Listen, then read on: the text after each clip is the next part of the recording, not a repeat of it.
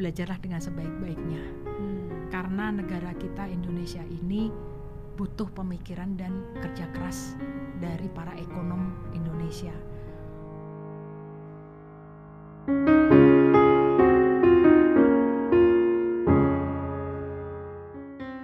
Tidak peduli seperti apa background keluarga, semua orang memiliki kesempatan yang sama. Kesempatan untuk mengenyam pendidikan setinggi-tingginya kesempatan untuk meraih karir impiannya. Dari Denny Puspa Purbasari kita bisa belajar bahwa keterbatasan keluarga bukan hambatan untuk kita meraih angan dan cita-cita.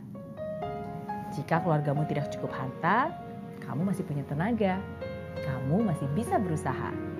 Bahkan masih ada juga beasiswa yang bisa mengantarmu mendapatkan ilmu sebanyak-banyaknya. Memang tidak semua orang mendapatkan privilege yang sama, tapi Tuhan tetap memberimu tujuh hari dalam seminggu sama seperti mereka. Masa depanmu ada di tanganmu. Selama masih ada waktu, jangan pernah sia-siakan itu. Belajar, belajar, dan teruslah belajar selagi kamu mampu. Dan ketika sudah waktunya, saya yakin kamu pasti akan menikmati hasilnya. Dari Denny Puspa Purbasari, kita juga diingatkan untuk selalu memiliki kerendahan hati. Ilmu yang sudah kamu miliki bukan hanya sekedar untuk dirimu sendiri. Bukan juga untuk dipamerkan sana-sini, apalagi untuk bermegah diri. Biarkan ilmu kamu berguna berguna untuk membuatmu bahagia, berguna untuk membuat keluargamu bangga, dan berguna untuk membantu sesama. Oh iya, kamu juga perlu ingat, bukan kamu yang paling hebat, karena di atas langit masih ada langit. Jadi jangan biarkan kesombongan itu menjadi penyakit. Dan ketika Tuhan memberimu sebuah jabatan, ada tanggung jawab yang harus kamu emban.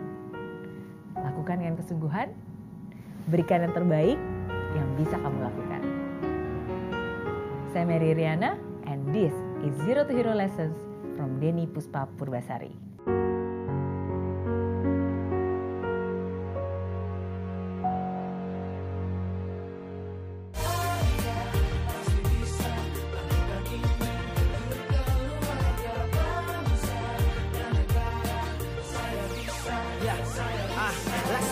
Tanpa hujan, hidup tanpa tujuan, kering dan mati tanpa hijaunya tumbuhan. Ah, demikian kalau mimpi tak kunjung terjadi.